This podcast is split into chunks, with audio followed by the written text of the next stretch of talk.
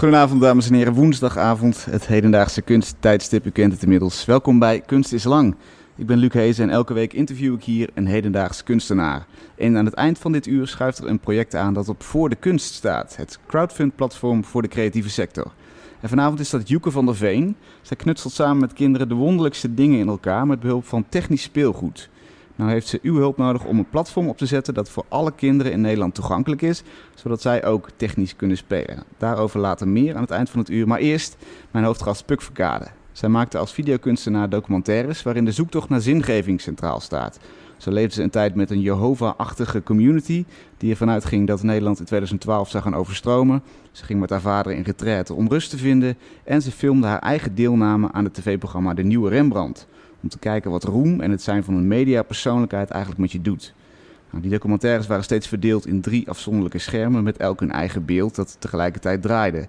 Maar inmiddels is Puk in Londen gaan wonen en studeren en is er een nieuwe reeks videowerk. Korte filmpjes van rond de vijf minuten in één beeld, verticaal gefilmd met een mobiele telefoon dus, waarin ze nog steeds zelf voorkomt, maar ook aan de kaak stelt hoe bijvoorbeeld vrouwen gerepresenteerd worden. Daar gaan we het over hebben zo.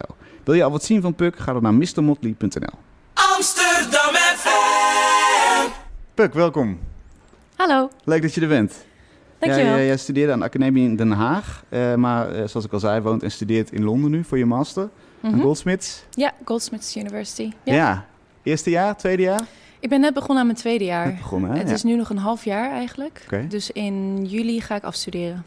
Spannend. Ja, heel spannend. En het gaat ontzettend snel. Ja, je denkt twee jaar, dat is toch best wel een behoorlijke ja, een, een, behoorlijk stuk. Maar het gaat razendsnel. Oké. Okay. Ja. Nou ja, je zit niet stil. Um, want de, er is een nieuwe reeks werk, zei ik al. Hè? Je ging van, van tamelijk traditionele documentaires, uh, uh, wel op die drie schermen, maar toch naar een nieuwe vorm. Verticaal gefilmd op een telefoon. Maar ook met heel veel animaties tussendoor, bewerkingen. Mm -hmm. Maar de basis is, of, of moet in ieder geval lijken, op een telefoonfilmpje. Hoe, hoe, hoe probeer je die balans te vinden tussen kunstmatig en het echte beeld, althans tussen aanhalingstekens echt natuurlijk, maar hmm. realistisch? Um, de balans vinden. Ik denk dat vooropgesteld is het sowieso allemaal gemanipuleerd natuurlijk. Er komen in mijn nieuwe video's nog steeds vrij documentaire-achtige beelden voor. Vaak ook uit mijn eigen uh, omgeving. Maar waar ik een beetje van af wilde is um, die één op één realistische communicatie. Ook al vind ik dat documentaires niet per se realistisch zijn. Ja, zijn ook ontzettend gemanipuleerd. Maar in dit geval, um, omdat ik echt uh, wilde breken met mijn oude werk... of nieuwe dingen wilde ontdekken, dacht ik... oké, okay, ik ga van alles doen waar ik eerst tegen was. Dus ik gebruik nu muziek, ik gebruik nu animatie... ik gebruik nu gevonden materiaal, um, wat ik uh, op YouTube vind... of uh -huh. waar dan ook. Um, en dat heeft me eigenlijk heel veel vrijheid gegeven... En heeft me ook bewogen in een gebied waarin het voor mij in ieder geval minder, uh, minder belangrijk is of ik de werkelijkheid communiceer. Mm -hmm. Het is meer een gedachtenschets die ik maak, een visuele gedachtenschets van de situatie. En daar helpt het dus heel erg bij dat ik ander materiaal dan alleen maar documentair materiaal kan gebruiken. Het wordt bijna fictie. Ja. Maar goed, ik, ja, zo erg ben ik niet geïnteresseerd in, in in het verschil tussen fictie en non-fictie.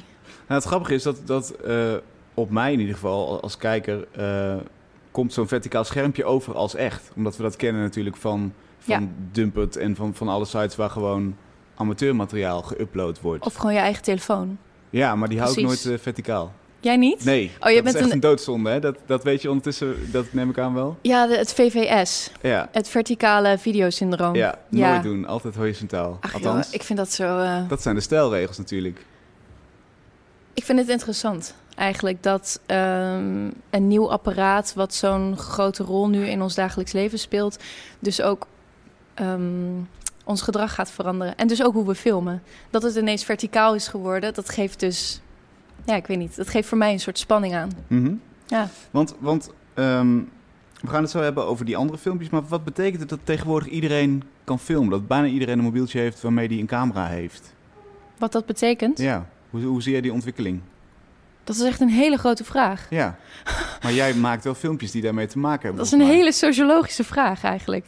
Um, nou, hoe ik daar in mijn werk naar kijk.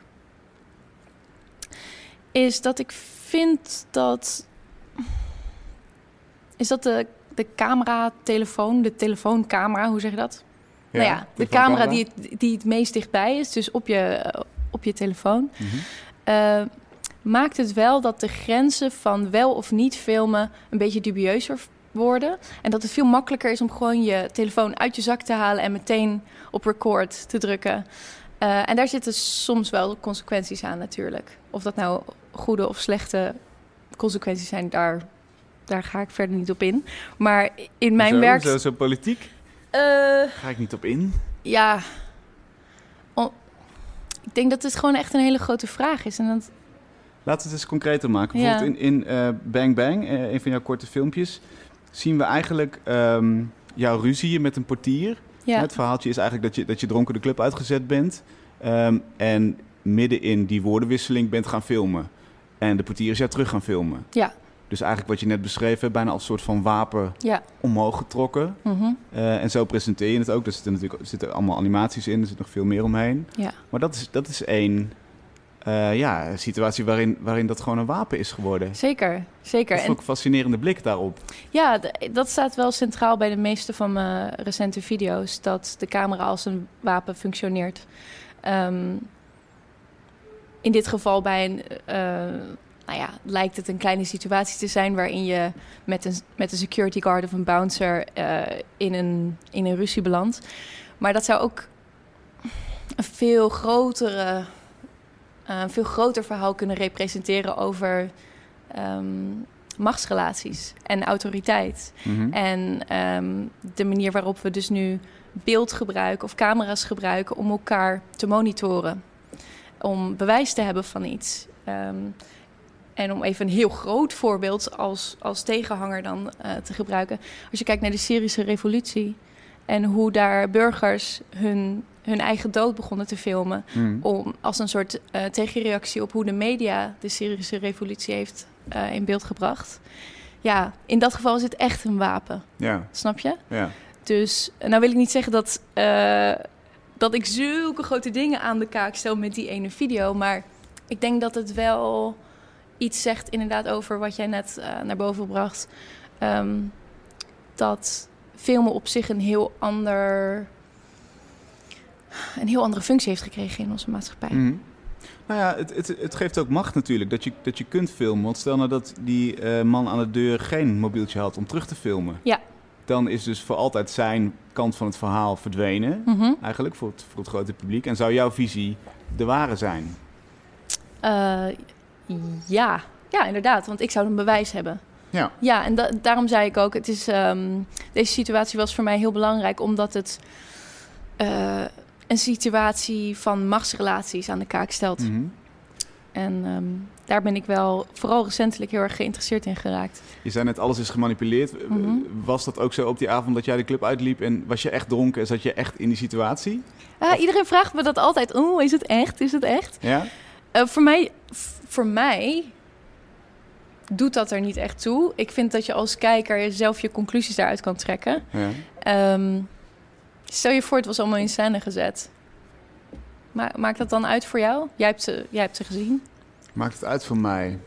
Ehm, nou ja, wel, want, want dat zou het verhaal over macht, zeg maar, als je die parallel trekt, zou, zou ik minder interessant vinden, want dan is het blijkbaar een minder reële situatie. Hmm. Dus in die zin maakt het uit. Ja, maar... Ik, bedoel, ik zou je eh, er niet slecht op aankijken als het niet als het ge- geanceneerd is, want dan zag Ja. het er in ieder geval eh, eh, heel, heel goed uit en was het. Maar ja, ik weet niet. Ik ben de laatste tijd best wel geïnteresseerd in ansenering. En hoe je reële situaties kan nabootsen. Ik heb dat nog nooit eerder gedaan. Dus Mhm. ik verklap nu eigenlijk, ja, het was wel allemaal echt. Ik Ja. was wel echt zo dronken. ja, ja. Eh, ik laat wel echt de slechte kanten van mezelf zien. ja. Ehm, maar ik ben de laatste tijd wel geïnteresseerd geraakt in ansenering en wat het betekent ehm, om een realistische situatie te laten zien. Want ja, ook al, ook al is het een daadwerkelijk beeld van mijn, van mijn echte leven, ik heb het zodanig gemanipuleerd en geëdit en ehm, samengebracht met ander materiaal. Mhm. Dat in hoeverre is het nog reëel?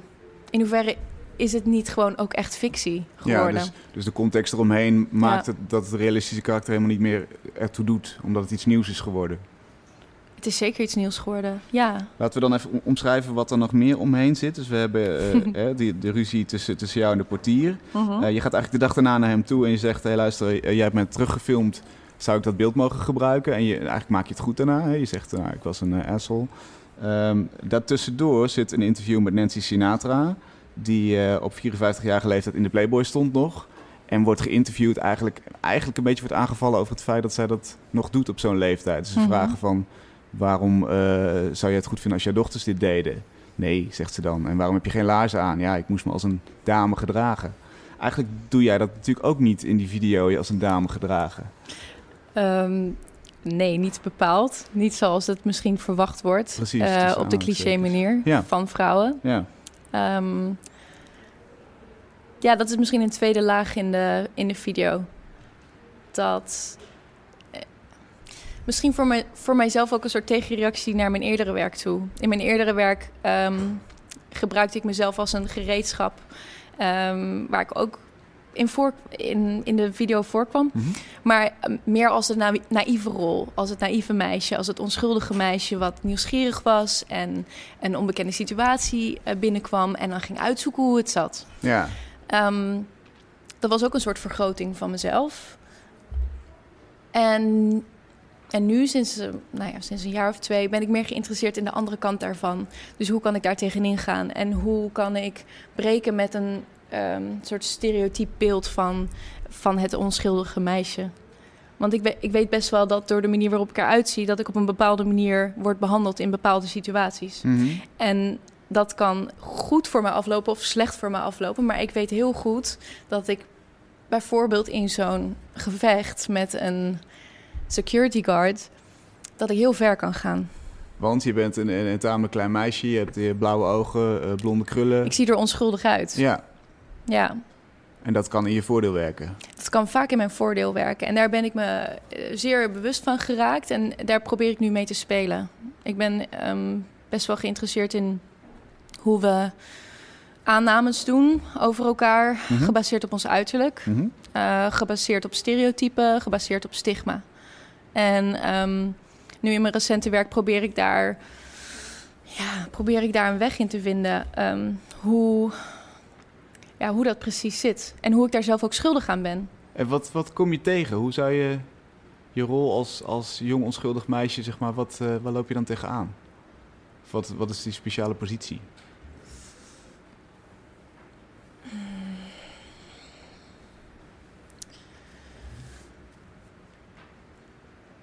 Ik moet nu oppassen dat ik niet iets ga zeggen waardoor ik mezelf totaal vast um, spreek. Want het is heel genuanceerd. Ja, maar het mag ook over jou gaan. Hè? Ik ben er niet op uit om je vast te zetten. Ja, maar we zijn hier nu om te, te praten over mijn werk. En dat vind ik wel heel, um, heel belangrijk. Dat ik, um, dat ik niet mijn persoonlijke leven met Mhm. mijn werk te veel versnijd. Dat heb ik eerder gedaan in interviews. En toen dacht ik, altijd achteraf dacht ik... ja, maar wacht even, gaat het nu over mijn werk? Of gaat het nu over mij? En natuurlijk zijn die met elkaar verbonden. Dat wou ik net zeggen. Uiteraard. En vooral als je zelf ook in je werk voorkomt... dan En- is vaak de aanname... aansnijdt, Juist. toch? Dan is vaak de aanname ook van... oh, dit gaat over jou. Dit is een soort dagboekfragment. Ja, dat nee, is maar dat vroeg, ik vroeg niet, lees voor uit je dagboek. Maar Ja. laat ik dan zo zeggen, hoe stel je de positie van, van een jong onschuldig meisje... Mhm. Hoe staat dat in jouw werk centraal? Hoe, hoe, hoe ga je daarmee om? Ehm, laten we zeggen dat zoals ik de camera als een gereedschap gebruik, ehm, zo gebruik ik mijn eigen voorkomen dus ook als een gereedschap. Om te zien, bijna ook als een sociologisch experiment, van wat doet dit? Mhm. Hoe ver kan ik gaan? Wat zegt het over mij? Wat zegt het over mijn tegenspeler, als je het zo kan noemen? Mhm. Wat zegt het over onze grotere sociale interactie en onze maatschappij? Kunnen, Ehm, kunnen we er eens eentje uitpikken? Eén, eh, om het concreet te maken. Wat, wat, wat zegt het over mij bijvoorbeeld, zei je? Mm. Ik, ik weet in veel situaties, zoals bijvoorbeeld met die security guard, dat ik heel ver kan gaan omdat ik er onschuldig uitzie. Ik zie er misschien niet uit alsof ik hem in één keer naar beneden haal met mijn eh, Nee. machtige spieren en dan bam. Eh, ik kan me voorstellen dat als ik een ander voorkomen had, dan was het veel sneller uit de hand gelopen. Dit zijn, dit zijn ehm, gedachten die ik heb. Dus ik zeg niet dat het waar is, maar dit, is, uh, dit zijn gevoelsmatige ehm, voorbeelden. Ja. Zou ik het zo kunnen zeggen? Zeker. Um, en het doet me een beetje denken aan... Heb je toevallig al um, de documentaire van Sunny Bergman gezien? Ja, in het afgelopen uur. In het afgelopen uur? Ja, want ik dacht dat zou wel eens van pas kunnen komen vanavond. Ja, nou misschien... Dit is ook een kleur van Sunny, Sunny Bergman... waarin zij uh, eigenlijk uh, door middel van interviews en sociale experimenten... Ja. Uh, aantoont dat wij een soort white supremacy hebben. Dus dat, dat Ja. blank... Ja. Ik zeg al blank, maar dat moet ik eigenlijk zeggen wit. Aha, Blank is onschuldig geladen. Dus wit is eh, bevoorrecht en dat beseffen wij ons vaak niet. Ja. Ja. Wat, wat wil je daarover eh, aanhalen? Ik wilde zeggen dat wat zij heel goed laat zien... is dat, ehm, dat we aannames over elkaar hebben. Mhm. En dat, de, dat er een bepaalde eh, violence zit in die aannames. Violence. eh ah, dan komen mijn Engelse woorden naar boven. Dit is vervelend. Ik wist dat dit zou gaan gebeuren. Dat ik zo ga zoeken naar mijn Nederlandse woorden. Ja. Ehm, dat er dus. ehm, dat er een bepaalde Superioriteit. Superioriteit, maar ook. ehm, er zit een. Ja, violence. Wat is nou een goed eh, vervanging, vervangingswoord in het Nederlands voor violence? geweld, maar Ja, dat er een bepaald geweld zit in, in aannames doen over elkaar. En dat dat ook voornamelijk zit in subtiliteiten. Mhm. Dat is haar hele eh, argument, toch? In de, in de documentaire. ja, dus ze zegt mensen zijn niet, niet met kwaaie opzet, eh, voelen zich superieur, maar het, het zit in subtiele dingen. Ja, maar daar zijn ze wel schuldig aan. En het is tijd dat je die, die, die schuld eigenlijk opeist en leert luisteren naar anderen. Anderen die niet in jouw positie zijn. Ja, Ik vond dat onwijs interessant. Ik vond dit eigenlijk een van haar beste documentaires. Omdat het veel genuanceerder was. Mhm. En omdat ze een aantal experimenten naast elkaar zetten... die me echt deden, deden denken aan situaties waar ik dus wel eens in ben beland. geef eens en- een voorbeeld. Bijvoorbeeld dus in deze video waarin ik eh, in een best wel heftig... ehm, in een best wel heftige discussie kom met deze security guard. Ik, Maar dit is een donkere man. Is, is het daarmee te een maken ook? Arabische man. Oh, een Arabische man. Het is een Arabische man. Ja. Eh, een Arabische jongen van eigenlijk mijn eigen leeftijd. En hij was ook student bij Goldsmiths. Maar dat zie je allemaal niet in de video natuurlijk. Dus dit weet je allemaal niet. Het is allemaal weggemonteerd. Ja. Het enige wat je ziet is dat hij een Arabische man is. En dat ik ehm, een, een wit, eh, vrij onschuldig uitziend jong meisje ben. Mhm. Dus ja, er zit een soort frictie in. En eh, zou je kunnen zeggen dat eh, parallel aan wat Bergman doet, dat, dat, jij, dat je dat ook wil duidelijk maken? Dat je die posities wil blootleggen met dit werk? Ik denk met de. Ja, we hebben het nu over één werk, maar ik denk eigenlijk met de recente seriewerken probeer ik deze wrange situaties bloot te leggen en daar vragen over te stellen. En mezelf ook te vragen hoe kan ik deze stigmatisering eh, proberen te voorkomen. ehm, proberen te voorkomen dat ik dat reproduceer. Ehm, ik heb daar niet absolute antwoorden op, maar ik heb daar wel nieuwsgierigheid naar. En met mijn werk probeer ik daar naar te zoeken. Ehm, ja, En hoe zou je dat moeten doen? Moet je dan die, die begrippen, eh, jong onschuldig meisje, moet je die laden met andere voorbeelden? Of, of hoe kun je daar een stap in maken, volgens jou? Mm. Wat ik probeer te doen is, ehm, vers- mm, bijvoorbeeld dus weer in deze video, probeer ik de stigmatisering van, van de vrouw tegenover de stigmatisering van de autoritaire Arabische man tegen elkaar op te wegen. Snap je wat ik bedoel? Door Dus te dus- laten zien dat, dat jij degene bent die, die feitelijk meer ag- agressief was in deze setting dan hij. Zeker, maar ik ga ook terug om, om mijn excuses aan te bieden. Ja. Maar ik doe dat wetende dat ik het ook opneem. Dus het is allemaal heel erg gemanipuleerd. Ja. En het is allemaal heel erg niet onschuldig. Ehm, ja, ik denk dat je daar je eigen conclusies uit kan trekken door naar de video te kijken. Dit vind ik, daarom vind ik het ook zo moeilijk om over werk te praten, visueel werk te praten eh, op de radio, omdat we het niet kunnen zien. Mhm. Ehm, en zoals ik al eerder zei, ik denk dat deze recente video's heel erg gedachtenschetsen zijn. Dus ze zijn heel erg onopgelost. Ze, eh, ze stellen vragen, maar ze geven heel weinig antwoorden. En ik, ik vind dat persoonlijk een, een interessante ehm, houding Ja, binnen, binnen een beeldend werk. maar werkt het voor jou wel zo dat, dat jij de werken maakt om er wijzer van te worden? Mhm. Ja, tuurlijk. Ja, het is toch ook een zelfonderzoek. Ja, Een zelfonderzoek eh, als in hoe functioneer ik zelf in de maatschappij. Ehm, en wat zegt dat over het mens zijn in het geheel ook. Nou is er ook nog een andere ehm, video in die reeks, die heet Soft Capture. En daar, die begint eigenlijk met hoe jij een beetje rondhangt en een, een man opwacht die naar een schooloptreden van zijn zoontje gaat. Je loopt een stukje met hem mee de school in, je, je flirt een beetje quasi onschuldig. Ehm, en daardoorheen allerlei popcultuurreferenties aan Lolita, symbool voor natuurlijk het onschuldig jonge meisje dat, dat oudere mannen verleidt. Mhm. Ehm, hoe, hoe heb je die situatie bedacht?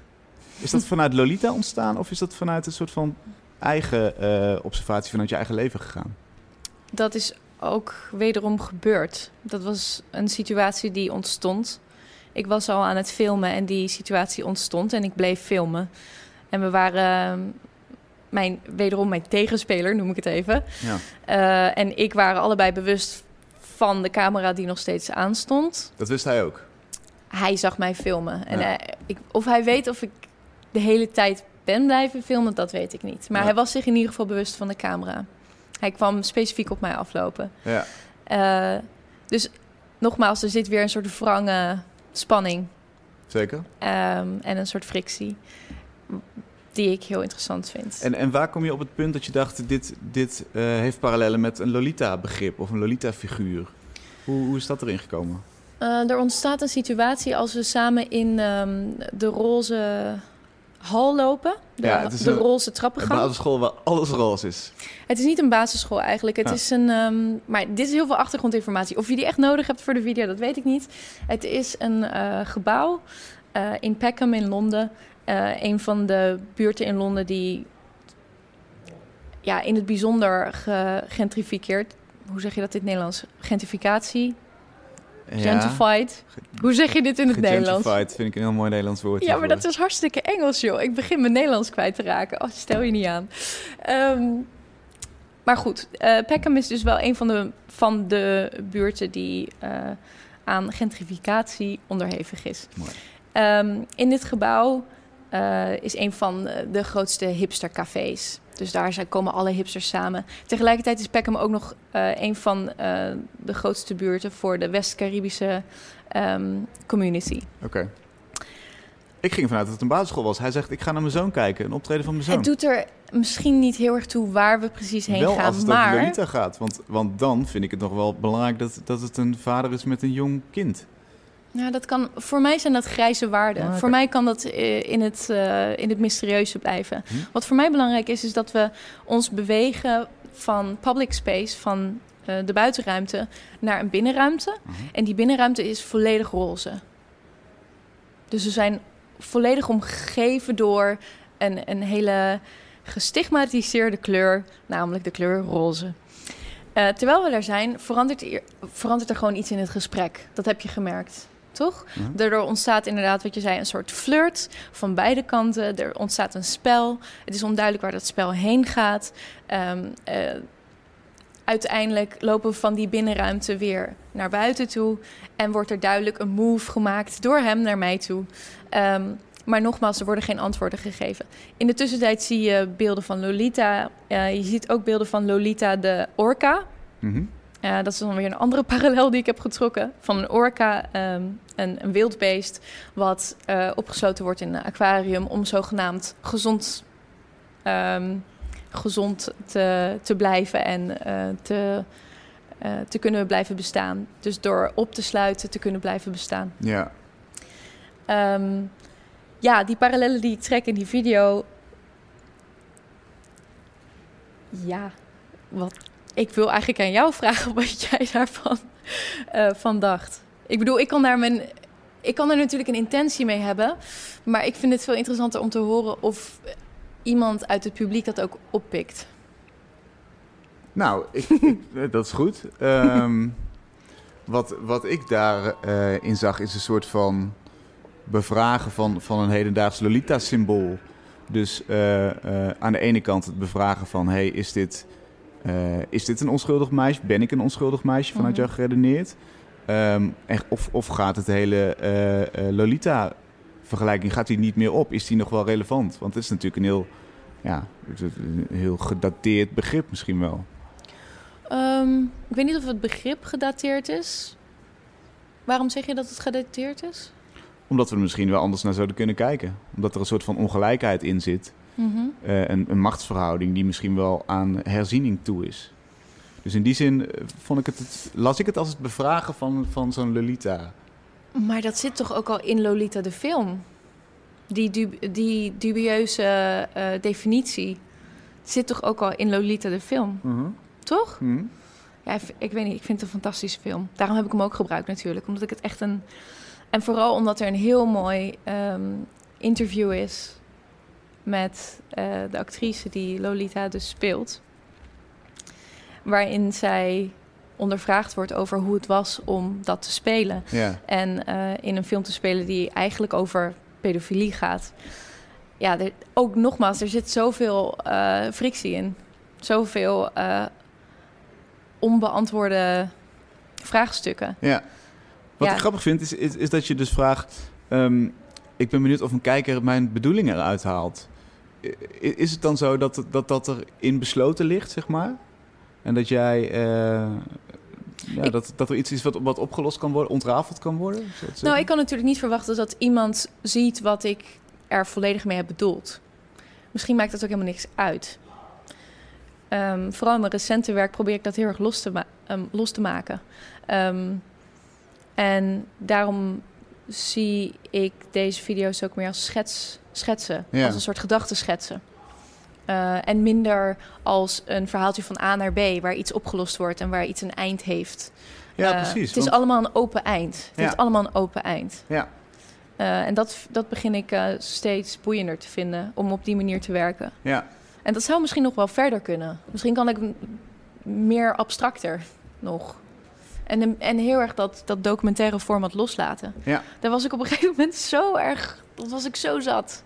Dat was ik echt heel erg zat. Bon voyage. Ja. Je krijgt een inenting en de verpleger die suggereert, denk, denk alsof je op vakantie bent. Ga naar Griekenland of naar Turkije. Nou, dan zien we dat tussendoor eh eh zwoele beelden van jou op een strand. Mhm. Ehm, maar ook inderdaad vluchtelingen die aan de kusten aankomen. En ook Pikachu van, van Pokémon als animatie er doorheen. Mhm.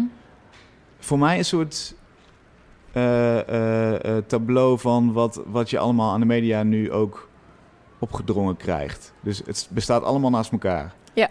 Er is een Pokémon Go-rage, er spoelen mensen aan op Turkije. Ondertussen maak je je zorgen om je eigen vakantie. Mhm. Ja, en we consumeren het allemaal via eh één grote brok visuele cultuur. Ja, ja. dat is nogal wat. Wat moeten we daar nou mee, Puk Verkade? Ja, maar daar ga ik je het antwoord toch niet op geven. Daarom maak ik werk. Ja, maar, we- het- ja, maar je werk is toch niet een soort raadseltje wat we, wat we Ehm, moeten ontcijferen? Nee, Hoe, hoe kijk jij er tegenaan? Laat ik het zo zeggen. ik denk dat ik vanuit heel veel ongemakkelijkheden werk. Eh, situaties waar ik zelf niet antwoorden op heb, maar heel veel vragen over heb. Ehm, en, en, en me complex over voel. En als, als ik weet dat ik me er zelf ongemakkelijk over ga voelen, dan is het een goed onderwerp. Vaak. Omdat, je dan, omdat andere mensen daar dan ook mee worstelen waarschijnlijk. Ja, de meest persoonlijke dingen zijn hartstikke universeel volgens Mhm. mij. En in, in dit geval ook. Ehm, en zo simpel als dat jij het net zegt, was het ook. Ja, eh, op het ene moment eh, zie ik iets over vluchtelingen op tv. Of, nou ja, ik heb geen tv, eh, mijn beeldscherm, mijn laptop. Eh, dan weer iets over Pokémon Go. En dan denk ik, oh ja, ik moet ook nog op vakantie. Oh ja, wanneer ga ik dat eigenlijk doen? Oh, ik heb er helemaal geen tijd voor. Oh, ik heb er eigenlijk ook niet echt geld voor. Oh, misschien moet ik dan zo'n goedkope all-inclusive vakantie doen. Oh nee, dat past niet echt bij me. Oh, misschien ben ik dan wel eh, ontzettend aan het eh, genieten van andermans leed. Oh nee, dat wil ik ook niet. Oh nee, moet ik me daar dan schuldig over voelen? Oh, oh ik voel me zo geprivi ge geprivi Privilegeerd, geprivilegeerd. bevoorrecht. Privileged. Ja, Bevoorrecht, dat ja. betere. Ja, ehm, dat soort vragen komen natuurlijk in me op en waarschijnlijk ook bij jou. En vanuit die ongemakkelijkheid begin ik dan een video te maken. En ehm, eigenlijk begon dat dus weer wederom uh, in een situatie die me gewoon overkwam. En dat was in het ziekenhuis. En ik was daar om uh, bloed af te laten nemen. Uh, bij de NHS, wat allemaal gratis is. Ook een ontzettend privilege dat ik dat gewoon allemaal kan laten doen zonder dat ik daarvoor hoef te betalen.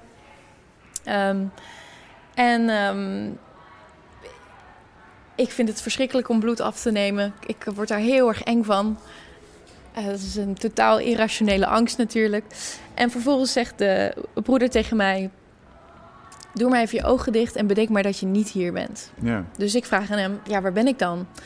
En zijn eerste reactie is: Denk maar gewoon dat je, dat je niet hier bent, maar dat je in Griekenland bent of in Turkije.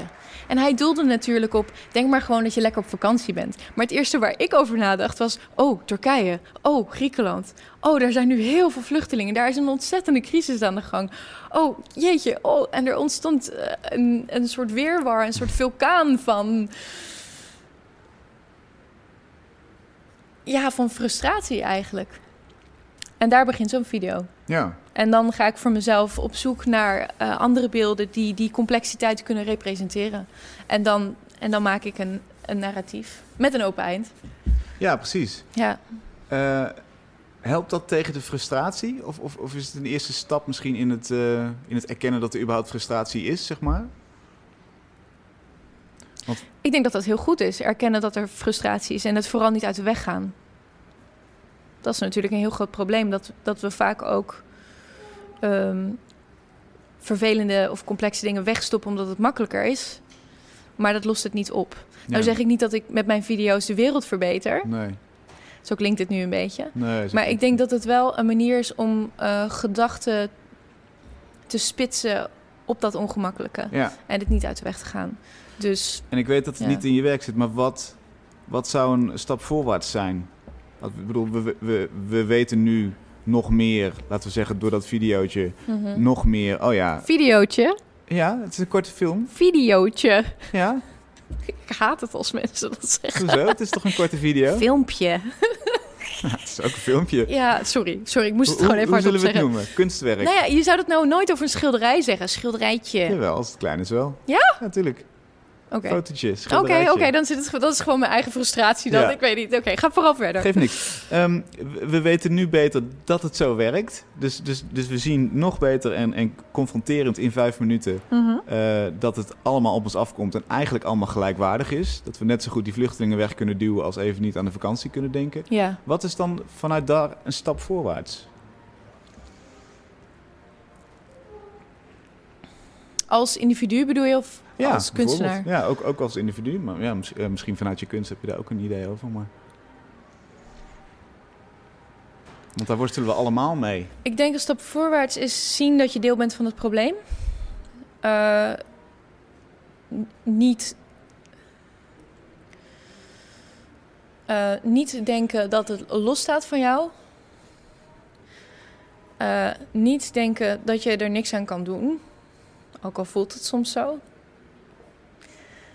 Uh, dat is toch wel een stap voorwaarts? Of vind je dat minimaal? Dat, ja, dat, is wel de, dat hoort wel bijna bij bewustwording misschien nog. Ik vind bewustwording zo'n vervelend woord. Um, is zoveel, uh, bewustwording heeft zo'n uh, zo'n lading, zo'n soort spirituele lading. Um, en het woord bewustwording is ook zo ontzettend uh, ge gemanipuleerd en misbruikt door de meer corporate uh, kant van de wereld. Hmm. Ik weet niet. Snap je wat ik bedoel? Ja. Bewustwording, zo'n vies woord geworden. Um, maar hoe zou je het effect zelf omschrijven?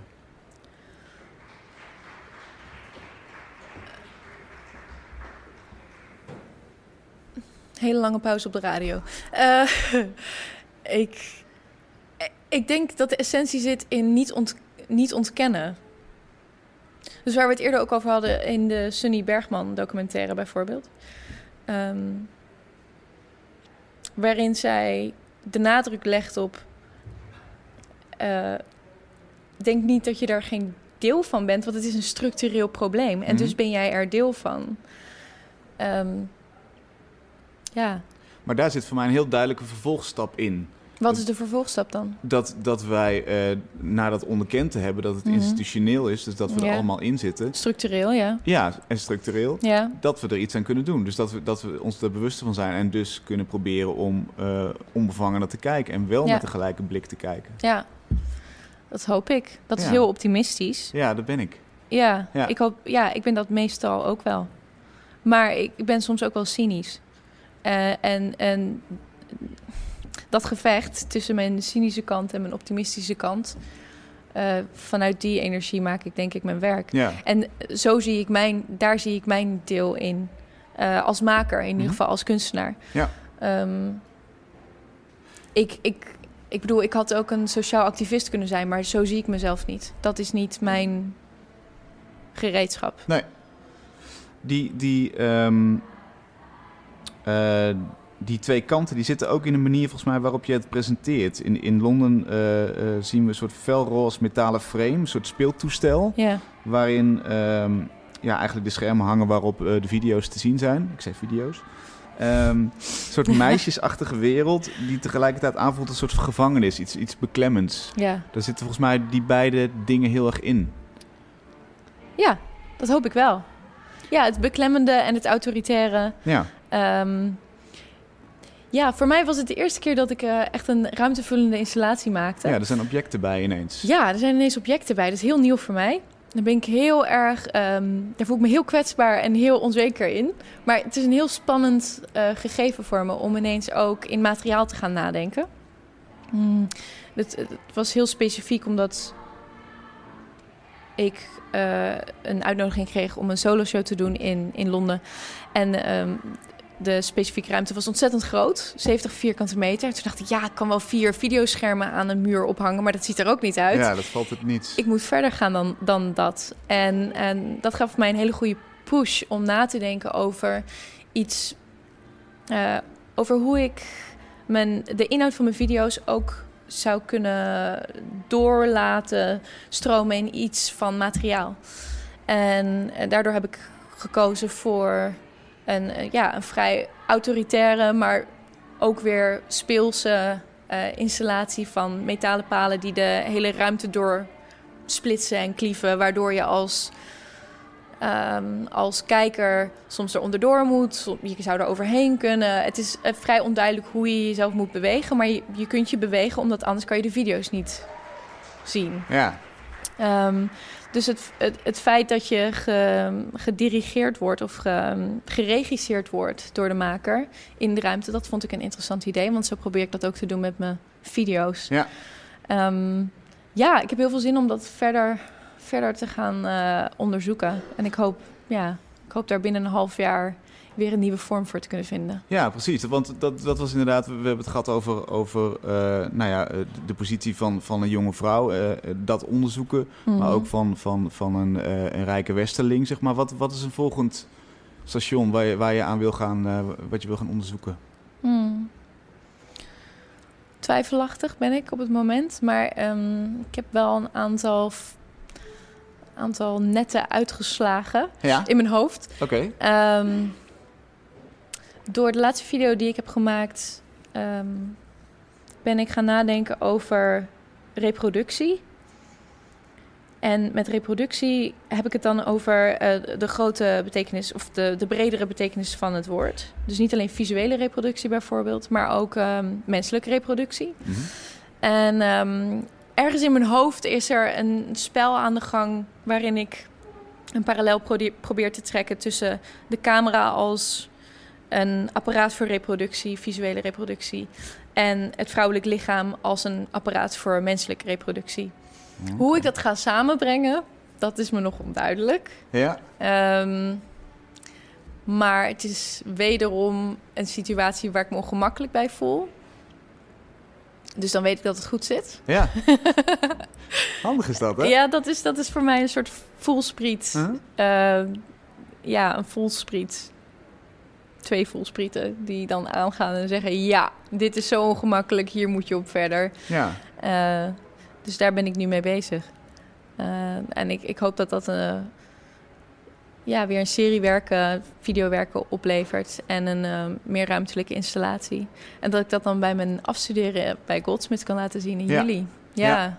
ja. Als dat klaar is, kom dan graag terug, want uh, het is heel interessant om uh, nou, het samen te, te betwijfelen en te bevragen. Dankjewel, leuk dat je er was. Heel erg bedankt. Dat waren de Black Keys met het nummer I Got Mine. Je luistert naar Kunst is Lang, het wekelijkse interviewprogramma over hedendaagse beeldende kunst. In samenwerking met online tijdschrift Mr. Motley en met Voor de Kunst, de crowdfund site voor de creatieve sector. Elke week bespreken wij een project dat te crowdfunden valt en dit keer met Joeke van der Veen. Joeke, welkom. Met deze muziek op de achtergrond, want er staat hier beneden een koor op de piano te rammen en uh, allemaal 90s hits te zingen. Dat is de openbare bibliotheek, daar kunnen we niks aan doen helaas. Um, vertel, wat is jouw project? Ja, uh, mijn project is Make uh, en het is een online platform voor jonge makers. Um, dus dat zijn kinderen tussen ongeveer de 8 en de 14 jaar. En daarop kunnen zij hun eigen ideeën en projecten uitwisselen met elkaar. En het idee is dus eigenlijk dat ze van elkaar kunnen leren in plaats van dat daar een, een docent of een, een ouder aan te pas komt. En ja, het is mijn doel om met dit platform eigenlijk heel, heel ja, jong Nederland aan te spreken en aan het maken te zetten. En het is echt een soort van technisch knutselwerk, geloof ik. Hè? Ja, het is ja. klinkt misschien een beetje... Uh... Je bedoelt wat de kinderen maken ja? of het platform ja. zelf? Ja. Nee, nee. ik wil niet meteen je platform als, als knutselwerk neerzetten. Nee, nee, wat ze is maken. Is het ook, maar... Uh, klopt. Um, het kan heel verschillen. We maken, ik maak zelf met kinderen hele technische dingen inderdaad. Uh, robotauto's, maar ook piano's van bananen bijvoorbeeld. met een Makey Makey. Piano's van, ja, van bananen? dat is een klein computertje, de Makey Makey. En dan kun je dan bananen op aansluiten en dan kun je piano spelen, is wel leuk. Hoe, hoe uh, werkt dat? Um, je hebt eigenlijk uh, de Makey Makey als een soort extern uh, toetsenbord. Ja. En een banaan die geleidt. En die sluit je dus aan op die Makey Makey. En zodra jij die aanraakt, ben jij een onderdeel van die stroomkring. Ah, oké. Okay. En ja, als je dan een pianoprogrammaatje aanzet, dan speel je piano. Dat, Kijk, dus dit soort dingen leer ik op jouw platform. Ja, ja, ja. En, en dit, dit moet gaan op het niveau dat zeg maar een, een 6, 7-jarige dat snapt? Ja, um, maar daarom wil ik inderdaad ook een beetje niet alleen van die technische dingen, maar ook uh, gewoon heel simpele um, uh, maakprojecten uh, die iedereen gewoon thuis kan maken. Het doel is gewoon dat iedereen gaat maken. Niet per se dat het heel technisch is of heel dure materialen, gewoon dat iedereen gaat maken. Dus al die kinderen gewoon lekker aan het maken en uh, bezig gaan. Lekker maken. Ja. Hoe, hoe, hoe kom jij uh, op dit idee? Waarom is het zo belangrijk? Um, het idee komt eigenlijk uh, vanuit mijn stage. In, ik heb stage gelopen in San Francisco en daar zit het bedrijf Instructables. En dat is een heel groot uh, do-it-yourself platform. Okay. En um, nou, dat was een geweldige tijd. En daar heb ik ook uh, gezien hoe leuk het is om, uh, om je ideeën met anderen te delen, open te zijn over je ideeën en je projecten. en dat met elkaar te delen en ook online te delen. En toen kwam ik terug in Nederland en toen ben ik eigenlijk betrokken geraakt bij een soort, ja, de maak uh, maakbeweging noemen ze dat. Ja. Uh, voor kinderen, dus een soort ja, um, maakbeweging voor kinderen waarin het ook in het onderwijs wordt meegenomen. En waarom is dat zo belangrijk, dat maken? Um, nou ja, het is gewoon superleuk, vind ik zelf. Maar het is ook, het is gewoon heel leerzaam om echt met je handen bezig te zijn.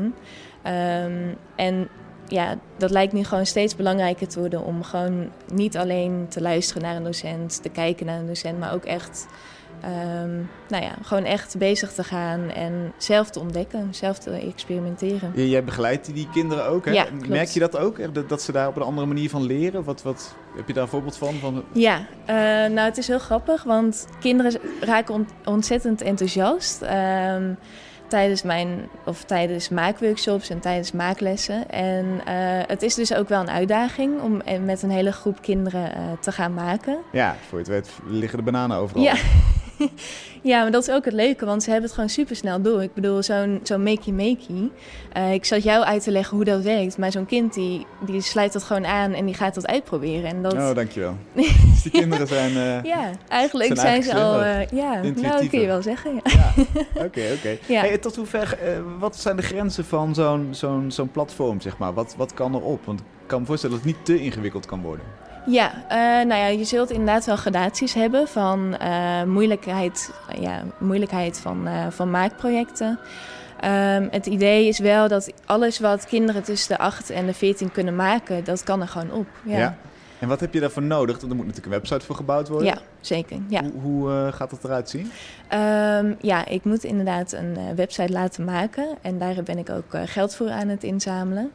Um, en ja, dat wordt gewoon echt een toegankelijke plek en ook een mooie plek hopelijk uh, voor kinderen. Um, dus het idee is dat kinderen daarop kunnen komen, uh, dat ze meteen al projecten zien van mm -hmm. uh, andere makers. En dat ze ook gemotiveerd worden om hun eigen projecten te laten zien. En volgens mij komt er een soort van schabloon, als ik het goed heb, hè? Waar, waarmee mensen heel snel hun eigen ideetje ja kunnen uploaden. Ja. Dus bijvoorbeeld uh, een kind ontdekt dat hij van een kastanje poppetjes kan maken door lucifers in te steken. Dan heb jij daar een schabloon waarin hij dat stap voor stap kan ja. invullen. Ja, want ik wil inderdaad kinderen motiveren om echt te laten zien ook hoe ze het hebben gemaakt. Niet alleen het eindre eindresultaat.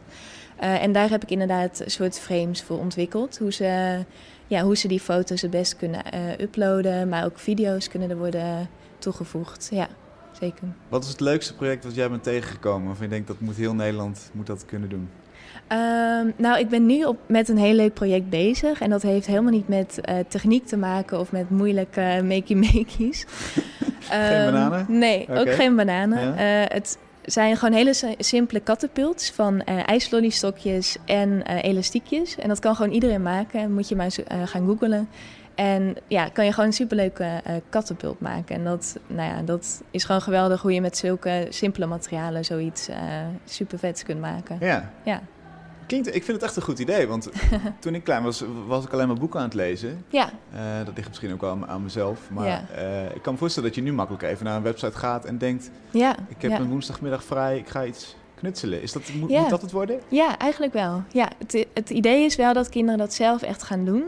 Dus het, ik ga ook wel proberen om dat op scholen te promoten. Um, maar ja, het idee is echt gewoon kinderen die thuis of gewoon waar ze maar kunnen, gewoon even uh, online kijken en uh, inspiratie opdoen en lekker aan de slag gaan. En uh, dat ook weer met anderen delen natuurlijk. Ja. ja.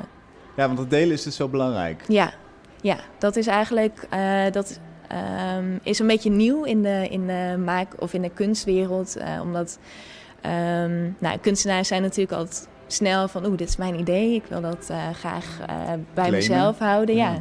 ja. Met um, patenten en zo. Nou ja, goed. Um, ik vind dat een beetje um, 2015, of hoe je dat ook maar moet zeggen.